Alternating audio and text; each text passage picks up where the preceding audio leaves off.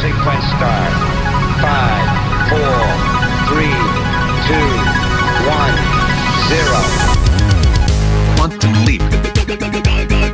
Saut quantique. Salto quântico, salto quântico, salto quântico. Salto quantico. Salto quantico. Det du inte visste att du ville veta. Hejsan på er, Markus Rosenlund här igen och det betyder ju kvanthopp. El Niño är också här. Är du beredd?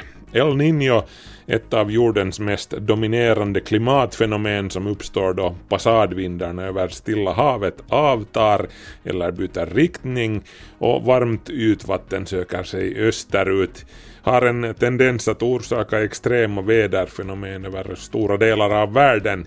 Australien och Indonesien får torka medan den amerikanska västkusten får ösregn och översvämningar.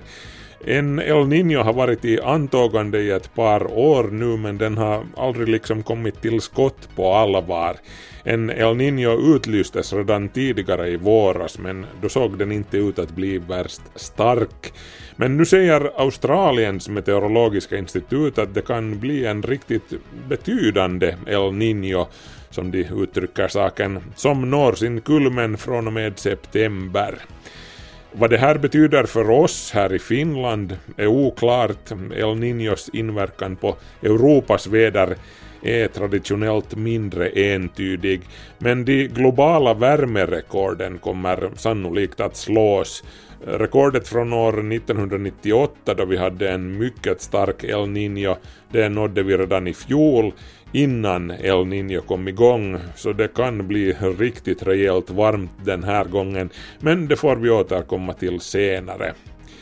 I dagens kvanthopp ska vi hur som helst tala med Dr. Gerhard Schwem, ledande forskare vid Europeiska rymdorganisationen ESA, en av de drivande krafterna bakom Rosetta-sonden och landaren Philae som skrev rymdhistoria i november i fjol då Philae landade på kometen 67P Churyumov-Gerasimenko allt gick ju inte riktigt som på Strömsö eh, för att använda den klichén. File landade i skuggan så att den blev utan ström från sina solpaneler och har legat i dvala ända sedan dess. Men Schwem är optimist. Sommaren börjar nämligen nu på kometen när den närmar sig solen och han tror att vi inte har hört det sista av File ännu. Uh, the lender has surprised us in so many ways.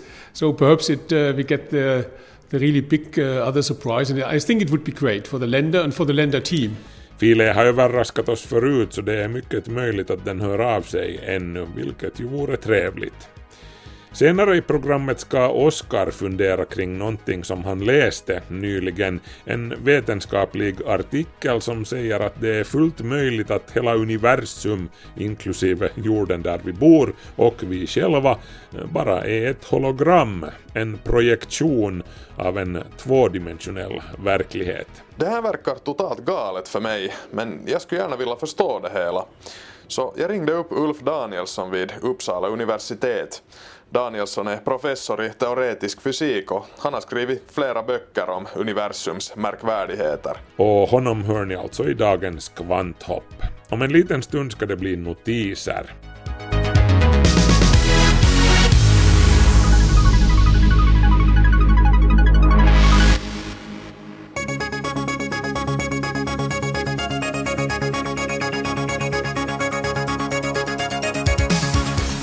Tekniska forskningscentralen VTT och Tammerfors tekniska högskola TTU har fått ett fett kontrakt i samband med byggandet av den experimentella fusionsreaktorn ITER i Cadarache i södra Frankrike.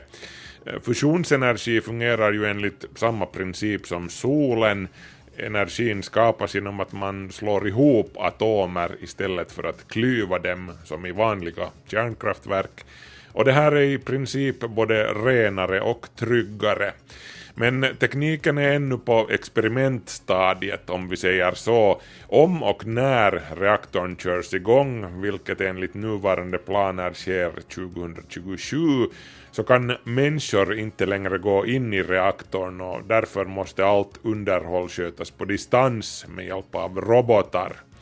Det är det brittiska konsultföretaget Amec Foster Wheeler som har fått ett sjuårigt kontrakt för fjärrunderhållet av reaktorn, den så kallade Neutral Beam Service-utrustningen, och där har VTT och TTU nu fått en framträdande roll. Det här visar enligt Markku Kivikoski, rektor för Tammerfors tekniska högskola, att Finland är i den absoluta världstoppen i fjärrstyrda servicesystem. Och samtidigt i Saudiarabien, världens högsta skyskrapa, eller vi kan säga världens högsta byggnad, är under påbyggnad i Jeddah i Saudiarabien. Kingdom Tower ska den en kilometer höga skyskrapan heta och den blir enligt planerna färdig 2018. Då kommer den att peta den 828 meter höga Burj Dubai från tronen som världens högsta byggnad. Kingdom Tower skulle ursprungligen bli 1,6 kilometer högt, men marken som huset vilar på är inte stabil nog, så man fick dra strecket vid 1 kilometer. Och då behövs det ju hur som helst effektiva hissar. Det är där som finländska Kone kommer in i bilden. De förser Kingdom Tower med världens snabbaste hissar med en hastighet på mer än 10 meter i sekunden. Allt som allt handlar det om 57 hissar och 8 rulltrappor. Och efter två år av planerande har det förberedande arbetet inför installerandet av hissarna nu inletts, skriver Teknika ett Talaus. Först ska skenorna och den övriga strukturen installeras. Det arbetet inleds i slutet av året. Själva hisskorgarna kommer inte förrän senare när Kingdom Tower har nått sin fulla höjd. Forskare vid universitetet i Trento i Italien har fått spindlar att spinna trådar med supermaterialet grafen och kolnanorör, en sorts material där kolatomer arrangeras på specifika sätt som ger material med enastående hållbarhet och elektrisk ledningsförmåga. Och vad forskarna gjorde var alltså att spraya fem spindlar med en blandning av vatten och grafenpartiklar med en storlek på omkring 200 nanometer. Tio spindlar sprayades med en blandning av vatten och kolnanorör. Och resultatet var att några spindlar dog direkt, några började spinna sämre nät än vanligt, men några spann nät som var mycket starkare än vanligt spindelnät, som ju i sig är bland det starkaste som finns. Det var framförallt kolnanorören som gav superstark spindeltråd, tre och en halv gånger starkare än vanligt spindelnät. Exakt hur spindlarna vävde in det exotiska materialet i trådarna, det vet forskarna ännu inte, liksom inte heller vad det eventuellt kunde användas till. Men de menar i alla fall att det i princip kan resultera i ett material som är starkt nog för att fånga ett fallande flygplan. Två rymdskrotsrelaterade nyheter. För det första, den ryska rymdkapseln Progress som ryssarna tappade kontrollen över när den avfyrades i slutet av april har nu trillat ner i atmosfären och brunnit upp. Vissa var ju oroliga för att det fallande bråtet kunde orsaka fara ifall farkosten skulle trilla ner över bebodda trakter. Men nu råkade det sig av en händelse att den föll ner på det tryggaste möjliga stället över södra Stilla havet, där man också i normala fall brukar ta ner uttjänta rymdfarkoster. Så det var ju bra. Den andra rymdskrotsnyheten är att internationella rymdstationen eventuellt ska beväpnas med små laserkanoner som kunde användas till att pricka farligt rymdskrot Lasern skulle inte förstöra skrotet direkt utan snarare ge det en knuff så att det faller ner och brinner upp i atmosfären. Det beräknas att det finns mer än 3000 ton skrot i omloppsbana och också pyttesmå skrotpartiklar kan åstadkomma stor skada när de kommer flygande med 10 km i sekunden.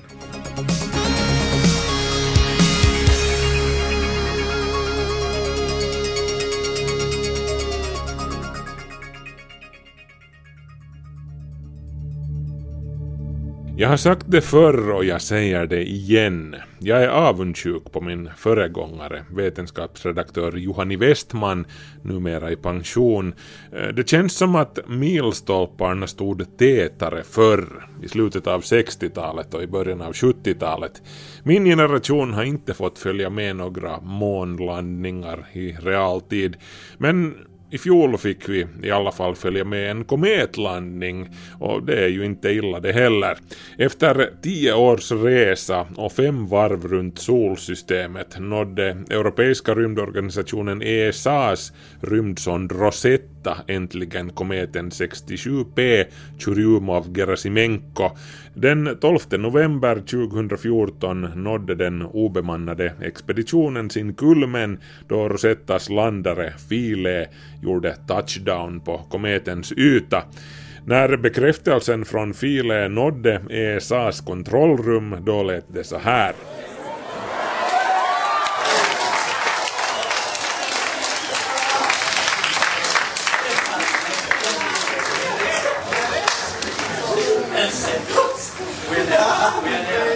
Okay, uh, uh, we are live, I guess.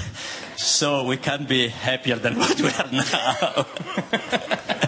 we definitely confirmed that the lander is on the surface, and I leave it to Stefan. I think it's up to him to judge how it's going now on the lander.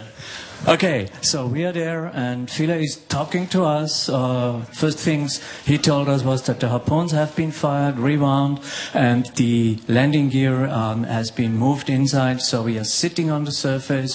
Fila is talking to us. More data to come and, and to be analyzed right now. The flywheel is going down, uh, which it should do, of course. We are there. It's done its job. We are on the comet. Visst får man ju lite kalla kårar när man lyssnar på det där, eller hur? Men hur gick det sedan? Som vi vet så var landningen inte en 10 poängs telemarklandning, om vi säger så. Philae lyckades inte fästa sig vid kometens yta och blev liggande lite snett så att solen inte kom åt att lysa på dess solpaneler. Så Philae sjönk rätt så snart i dvala i väntan på att kometen skulle vända på sig så att solen igen kom åt att lysa på Philaes solpaneler. Men ännu har det här inte skett. Jag träffade Dr. Gerhard Schwem, ledande forskare vid ESA och en av Rosetta-projektets pionjärer. Det hela inleddes redan 1985 och han säger om stämningen i ESAs kontrollrum den där novemberdagen i fjol att ingen egentligen tog det så värst hårt att landningen inte blev helt perfekt. I think that was at that time it was really secondary because for us it was uh, just great that the lender had landed and was communicating that means sending uh, data. Uh, and that was a great moment that also even if it was not sitting at that time uh, we still received data and we knew the lender was alive and working. And that was a, that was the great feeling. So you didn't think what had happened or not. It was just great. It is there and it uh, responded to the commands and uh, we get the data. File var nere, den var fortfarande vid liv, eller nåja, den fungerade och den skickade data. Det var allt som betydde någonting just då. Att landa en fjärrstyrd rymdfarkost på en 500 miljoner kilometer avlägsen snöboll i rymden är någonting som inte går i en handvändning. Det har krävts årtionden av hårt arbete, 1,3 miljarder euro och tusentals människors arbetsinsatser. Gerhard Schwem är en av de ursprungliga drivande krafterna bakom projektet Rosetta som tog form för nästan 30 år sedan.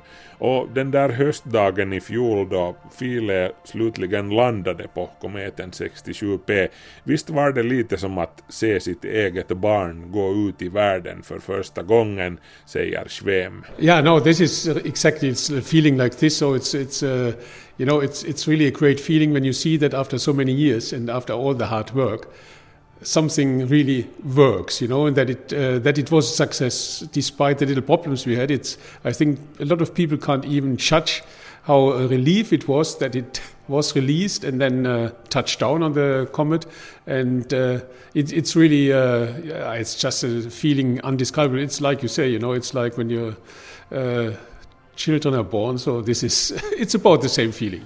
Schwem menar att de flesta människor knappast kan förstå den här känslan av lättnad som man upplever när någonting som man har jobbat på så länge slutligen bär frukt.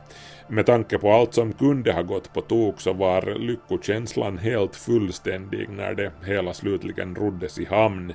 Det var faktiskt inte så långt ifrån känslan man upplever då ens barn föddes, menar Schwem.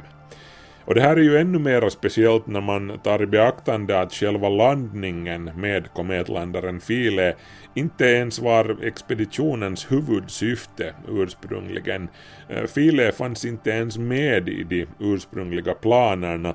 Det var moderfarkosten Rosetta som var huvudpoängen och den var aldrig tänkt att landa på kometen. The land of Rosetta is a success. The orbiter is the main was for ESA the main part of the mission. The mission was uh, approved as an orbiter mission, and it had to justif- justify the whole investment.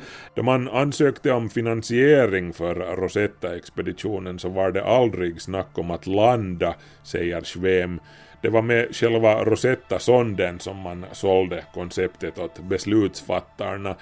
Och syftet med den var inom citat bara att åka ut och lägga sig en bit ifrån 67P och observera kometen.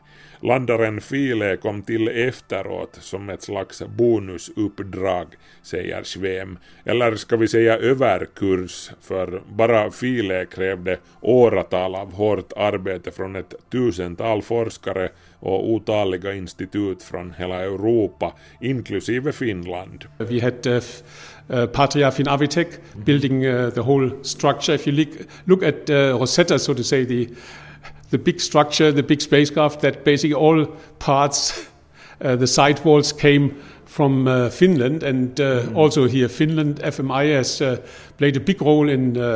In the COSIMA instrument, that's the instrument that uh, studies the dust particles. They have provided basically the software to analyze these and to operate the instruments, and then also the uh, participation in the lander from uh, Finland was very important. Ett tiotal institut från Finland bidrog till Rosetta-sonden med sin know-how och sin teknologi, inte minst Meteorologiska institutet som har konstruerat flera av de viktiga instrumenten ombord på både själva Rosetta och landaren Philae.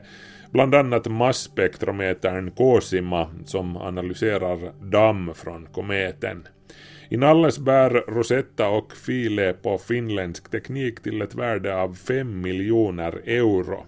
Ja, och faktiskt så är ju själva chassit till Rosetta-sonden, skalet som inrymmer all teknik, konstruerat av Patria Finnavitek här i Finland. Så den finländska insatsen har varit betydande.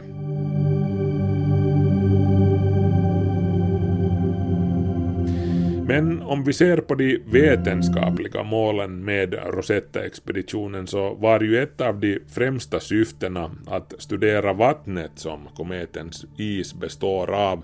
Eh, det finns en hypotes om att vattnet här på jorden, det som vi badar i och som vi själva består av, kom till jorden med nedfallande kometer i solsystemets barndom. Så därför kom det som en smärre överraskning då resultaten från Rosetta visade att vattnet i kometen inte riktigt motsvarar det jordiska vattnet. Mängden deuterium, eller tungt vete, i kometens vatten är mycket högre jämfört med vårt vatten. And this ratio is much higher than uh, what we have on Earth in our what we call means uh, uh, standard uh, ocean water. So this value is higher. It's also higher that we measure in other comets. So there is another uh, question mark, but it shows that comets have formed in a certain temperature regime in the pre-solar nebula, and I think that's important to uh, Rosetta har redan nu lärt oss en hel del om kometernas uppkomst och förhållandena i det tidiga solsystemet, men frågan om varifrån jordens vatten kom är ännu öppen, så att säga. För att besvara den måste vi studera fler kometer. För av allt att döma så skiljer sig vattnet i 67P Churyum av Gerasimenko inte bara från jordens vatten utan från flera andra kometers vatten. Det här är en av de allra viktigaste insikterna från Rosetta, säger Schwem, att kometerna är mycket mer heterogena än vi hade trott och om vi verkligen vill gå till botten med deras mysterier så behöver vi flera Rosetta. One of the first lessons we learned, perhaps, is that we need more Rosettas, because we knew from the looking at comets that they were quite different from the flybys that in the past. But now, also from the measurements we get and comparing that with ground-based observations, we have to see there are differences between even the Jupiter family comets and the mm-hmm. comets that are close in. So this is something we hope will hopefully will understand now over the next years because it will take years to really analyze the data in detail. Det finns en stor variation bland kometerna, säger Schwem, inte ens de så kallade Jupiterfamiljens kometer, de som har en omloppstid på 20 år eller mindre, är värst enhetliga till sin sammansättning. Det behövs mycket mer forskning, säger Dr. Gerhard Schwem, men tillägger att den allra största delen av forskningsresultaten från Rosetta ännu väntar på att bli publicerade och granskade. Vi har alltså inte ens sett toppen av isberget ännu, bokstavligen kan man säga. En komet är ju en sorts isberg i rymden. Och i något skede så måste vi också skicka iväg en sond som hämtar tillbaka prover från en komet, säger Schwem och har vi lärt oss någonting av Rosetta så är det att de här sakerna inte sker i en handvändning. What we learned is it takes a long time. you have to be patient. And I think any comet mission we will do will take a couple of years to get it back. And you have to start early to uh, get your results. Det duger inte att sitta och vänta på att någonting ska hända. Vi måste gå vidare med det här så fort som möjligt, säger Schwem, som alltså redan ser fram emot nästa steg och tiden efter Rosetta. Men som sagt, det är massvis med spännande resultat på kommande från Rosetta och File ännu, och den lilla landaren File har inte heller sagt sista ordet, tror Schwem. Det som alla nu undrar är att kommer File att vakna upp ur sin dvala och utföra några sista provtagningar, de där som blev på hälft i november när File slocknade. Från början sades det att File kan kvickna till om kometen vänder den sida där landaren befinner sig mot solen, men tills vidare ser det inte alltför ljust ut, tyvärr.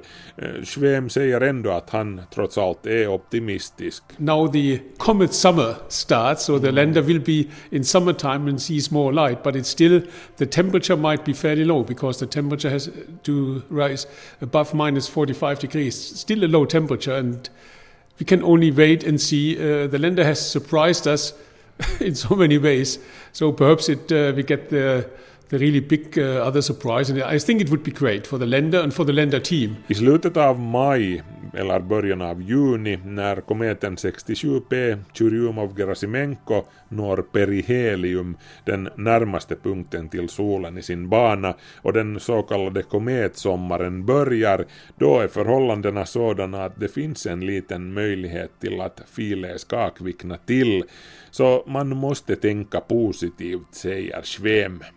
Det som krävs är att temperaturen inuti filens skal stiger över minus 45 grader Celsius, något som vi just nu är rätt så långt ifrån, men vi får väl se. Det skulle vara en otroligt god nyhet för teamet bakom File, säger Schwem, och för alla oss som har följt med Files resa och nästan kommit att betrakta den lilla landaren som en riktig levande upptäcktsresande och hållit tummarna för att allt ska gå väl till slut.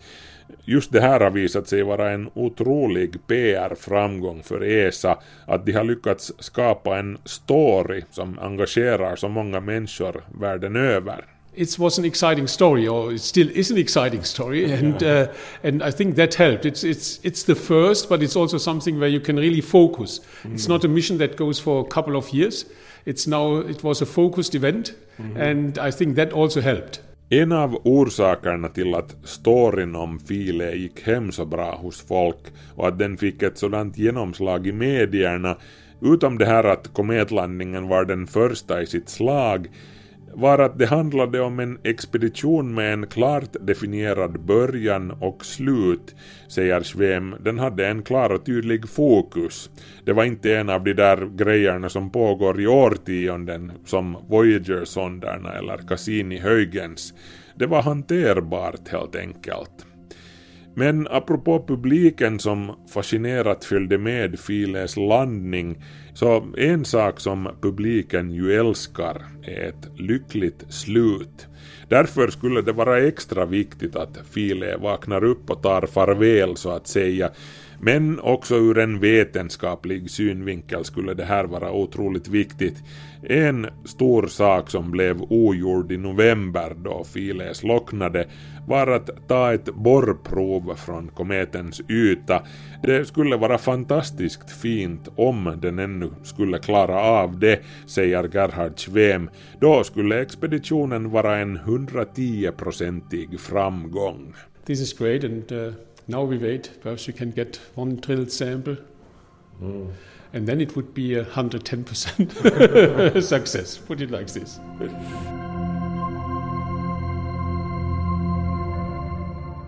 Ni hörde alltså ledande forskare Dr. Gerhard Schwem vid Europeiska rymdorganisationen ESA. Om en liten stund ska Oskar Koivumäki ta reda på om det stämmer som han har läst att hela universum, inklusive jorden och vi som bor här, är ett hologram. Jag läste också den artikeln själv och är ju lite intresserad jag med. Eh, tror ni att Oskar får svar på det här? Kvanthopp snabela yle.fi. Parallella världar är ju ett välbekant begrepp inom science fiction och innebär att det finns mer än en verklighet eller tidslinje. För att nämna en filmklassiker där rollfigurerna hoppar mellan parallella världar kan vi ta Matrix. I filmen lever människorna i en illusorisk simulerad verklighet som är konstruerad och styrd av maskiner. Det här med parallella världar är ju ganska enkelt att ta till sig och oftast rätt så underhållande när det handlar om fiktiva berättelser på den vita duken. Men när det handlar om verkligheten, det riktiga livet eller det som jag uppfattar som på riktigt, har åtminstone jag personligen svårt att greppa och ta till mig teorier om att vi skulle vara fångade i någon sorts låtsasvärld. Tänk om inget av det här är på riktigt.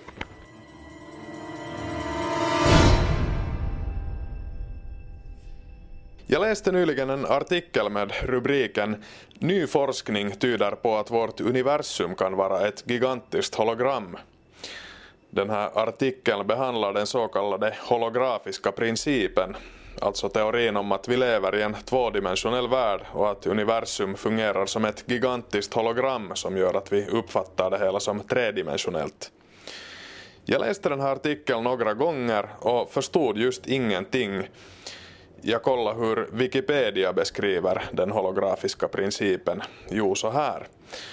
Den holografiska principen är en teori inom kvantfysiken, närmare bestämt inom strängteorin som säger att beskrivningen av en rymd finns eller kan tänkas kodifierad på något som kan beskrivas som rymdens gränssnitt eller gravitationshorisont.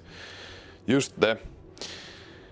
Den här teorin beskrevs redan på 90-talet av den nederländska fysikern Gerard Etouft som kammade hem Nobelpriset i fysik 1990. Under de senaste 20 åren har forskare grubblat på det här och man lär snart kunna testa den holografiska principen helt konkret. Det här verkar totalt galet för mig, men jag skulle gärna vilja förstå det hela. Så jag ringde upp Ulf Danielsson vid Uppsala universitet. Danielsson är professor i teoretisk fysik och han har skrivit flera böcker om universums märkvärdigheter. Jag bad honom att förklara det här med den holografiska principen i termer som mannen eller kvinnan på gatan förstår.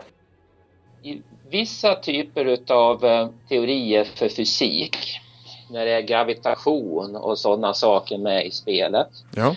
så kan man istället för att ha fysiklagar som verkar liksom i det tredimensionella rummet och beskriver gravitationens alla verkningar med hur kraften mellan olika saker, hur allt det fungerar, så kan man istället ta allt det som finns i det här tredimensionella rummet och sen så tittar man på skuggan utav det på en skärm som ligger någonstans långt borta. Eh, och sen har man nya lagar för vad som händer på den här skärmen. Det är liksom en tvådimensionell skärm. Man har tagit bort en av de här dimensionerna och så tittar man bara på vad so saker som händer i den, här, i den här skuggan på den här skärmen. Och så kan man sätta upp lagar för det.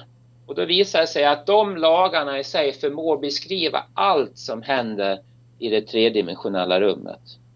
Och det kan man tycka blir som en väldig förenkling då. Att allt det som händer i det här tredimensionella rummet kan man egentligen förstå i termer utav saker som bara lever i den här tvådimensionella ytan på den här skärmen. Och då kan man tycka, ja det kanske är bara så att det enda som finns är den här skärmen. Och det här tre dimensionen, det är bara som en illusion. Någonting som kanske inte egentligen existerar. Mhm. Det är egentligen det som det här med hologramidén då går ut på.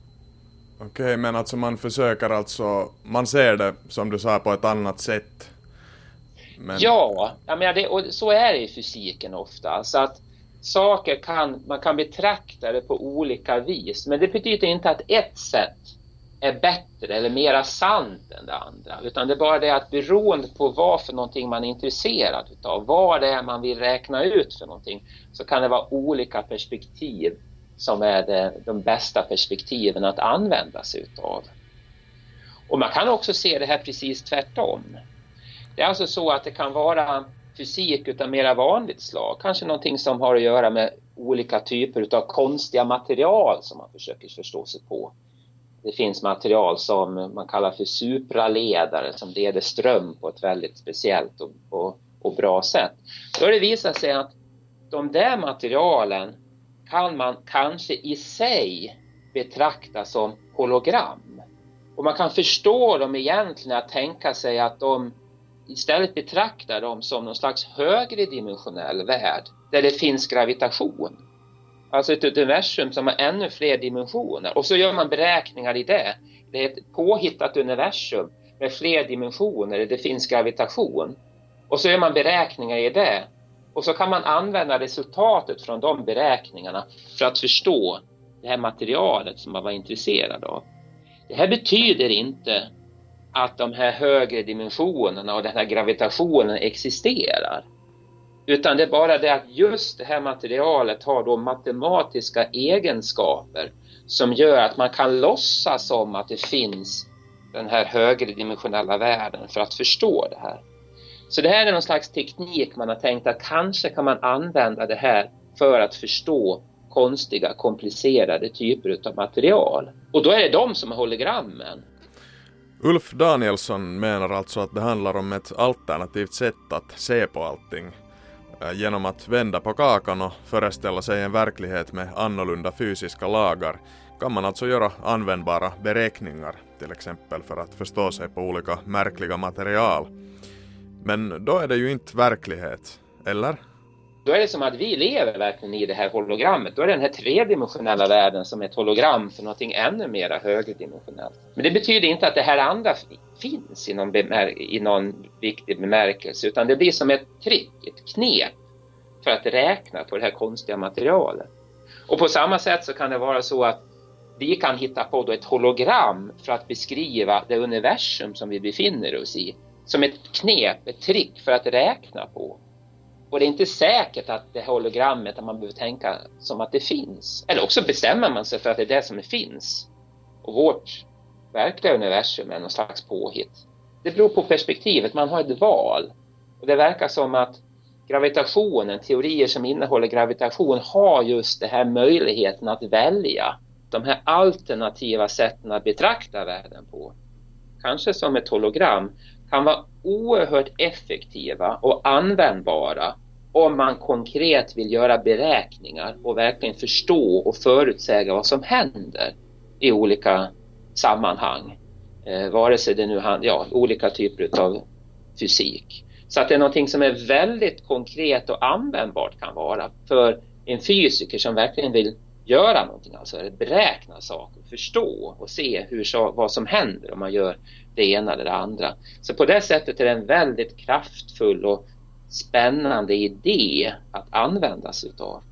Nu ska vi säga det att man har inte kunnat, alltså det, här väl, det här handlar om än så länge om typer utav fysik som är på ett väldigt teoretiskt plan i den meningen att man har ännu inte kunnat använda den här hologramidén konkret på vårt universum. Utan det finns olika påhittade universa då i strängteorin och annat där den här idén fungerar. Äh, vänta lite nu. Det finns olika påhittade universa då i strängteorin och annat där den här idén fungerar. Den holografiska principen lär vara en teori inom strängteorin. Men vad handlar egentligen strängteorin om? Ja, strängteorin, vad den säger då är att de minsta beståndsdelarna i naturen, de är inte små partiklar, alltså någon slags punktformiga små partiklar, utan de är utsträckta strukturer som är som, ser ut som små trådar, strängar. De här är väldigt, väldigt små. Det betyder att vi ännu inte har kunnat se dem med några instrument utan något slag. Men det verkar som att det här är en väldigt fruktbar idé att ha som utgångspunkt om man ska försöka förstå hur de, den kända fysiken ska kunna gå ihop på ett sätt så att det verkligen fungerar. Det finns annars en massa motsägelser och paradoxer när man försöker prata om kvantmekanik och gravitation samtidigt. Men med den här idén att de minsta beståndsdelarna har det här utseendet, då verkar det som att det fungerar. Och det betyder också att all den, alla de olika partiklar som finns i partikelfysiken ska då i grund och botten vara små vibrerande strängar. Att en sträng som vibrerar på, på ett sätt blir en kvark, vibrerar den på ett annat sätt så blir den en ljuspartikel, en foton. Så allting, hela universum ska bestå av dessa små vibrerande strängar.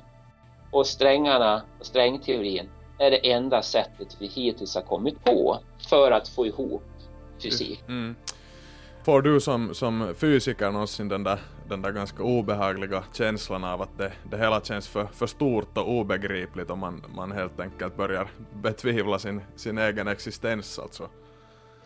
Nej, alltså det, jag, jag, jag grips inte utav någon förtvivlan eller någonting sånt där utan jag, jag tycker bara att det, det, är så fantastiskt spännande och stimulerande att försöka lära sig mer om alltihopa det utan att ha på något sätt något hopp om att, att liksom förstå allt. Jag, jag, jag, tror inte att det finns någon gräns på det sättet. Eh, eller snarare så kan det väl finnas en gräns för vad människan... Jag tror inte att människan kommer ha förmåga att upptäcka och förstå allt. Det tror jag inte. Jag tror att det ständigt kommer att finnas nya saker att förstå. Men det inger mig inte någon förtvivlan på något sätt utan det gör det bara ännu mer spännande och fantastiskt. Jag tycker det, det, det, finns en stimulans i det. För det finns också en möjlighet att förstå mer. Att lära sig saker. Det finns hela tiden möjlighet att lära sig mer. Och få en rikare naturupplevelse. Det handlar om en naturupplevelse. Att man får upp ögonen för vilket fantastiskt universum vi befinner oss i. Det var Oskar Koivumäki som stod för det inslaget. I veckan bjöd Helsingfors universitet på en inblick i högtgående praktiskt forskningsarbete för att leka lite med ord. Det handlade nämligen om att pressen fick följa med och titta på då man utförde servicearbete på den mätutrustning som universitetet sedan några år tillbaka har placerad på taket till det centrala och höga Hotell Torni i Helsingfors centrum. Ulrika Fagerström fortsätter.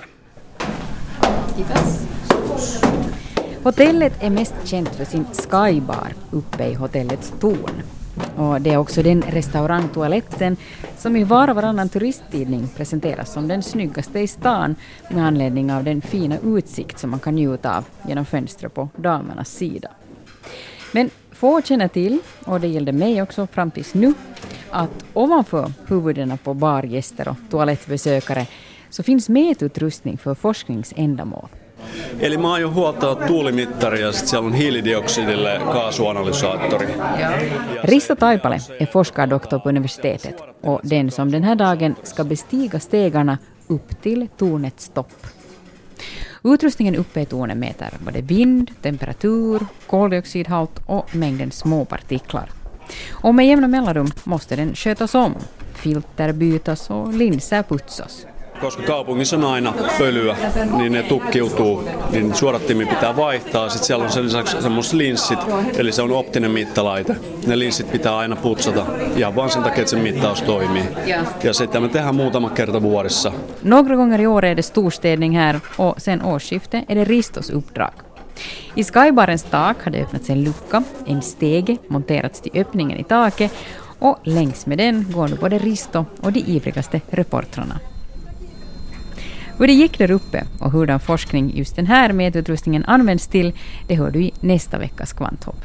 Men vill du redan nu se hur det gick till då Risto klättrade upp kan du gå in på svenska.yle.fi vetenskap och titta på den lilla film som jag har klippt ihop åt dig där.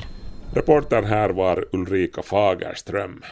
Och nu är det blivit dags för vår serie om det periodiska systemet, universums innehållsförteckning. Kvanthopp presenterar en serie i 117 delar. Det som allt bygger på, eller våra grundämnen från BT till Unuoctium.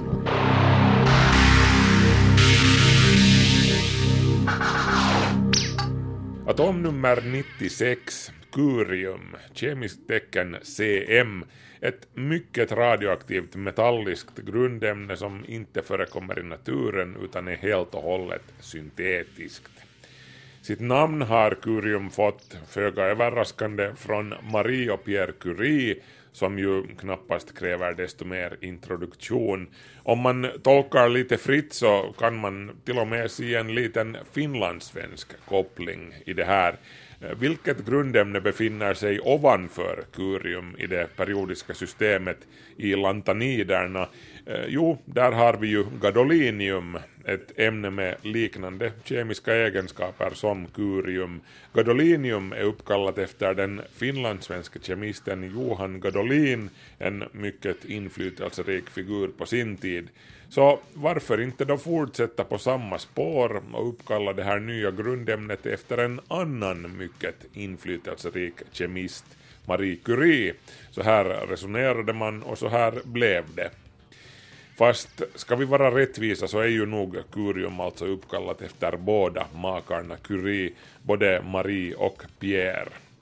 Hur som helst så var det än en gång Glenn Seaborg och hans team som upptäckte curium när de bombarderade plutonium med alfapartiklar i cyklotronen på Berkeley-universitetet i Kalifornien 1944.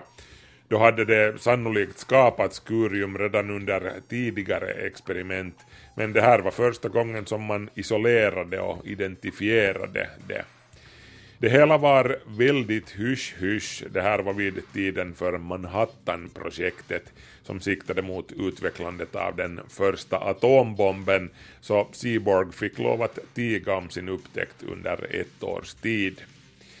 Och för att ännu återknyta till Marie Curie, som ju blev känd för sitt arbete med radioaktiva grundämnen som radium och polonium, faktum är ju att det var hon som myntade hela ordet radioaktivitet.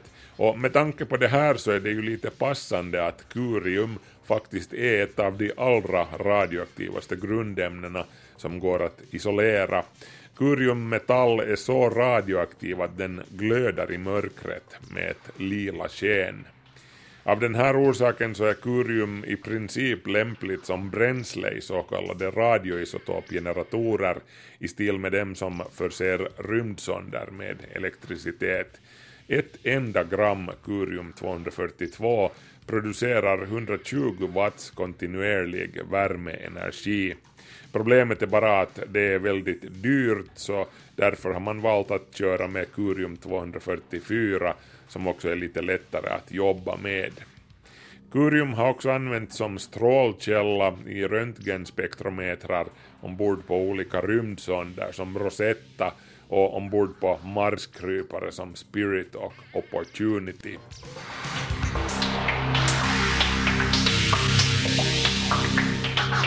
Du har hört del 96 i Kvanthopps serie om våra grundämnen. Nästa vecka berkelium.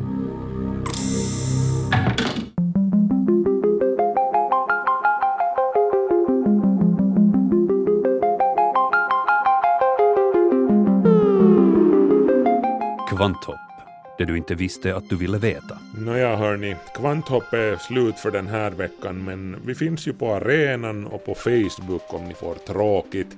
Facebook-sidan uppdateras så gott som dagligen. Markus Rosenlund så heter jag. På återhörande om en vecka. Hej så länge.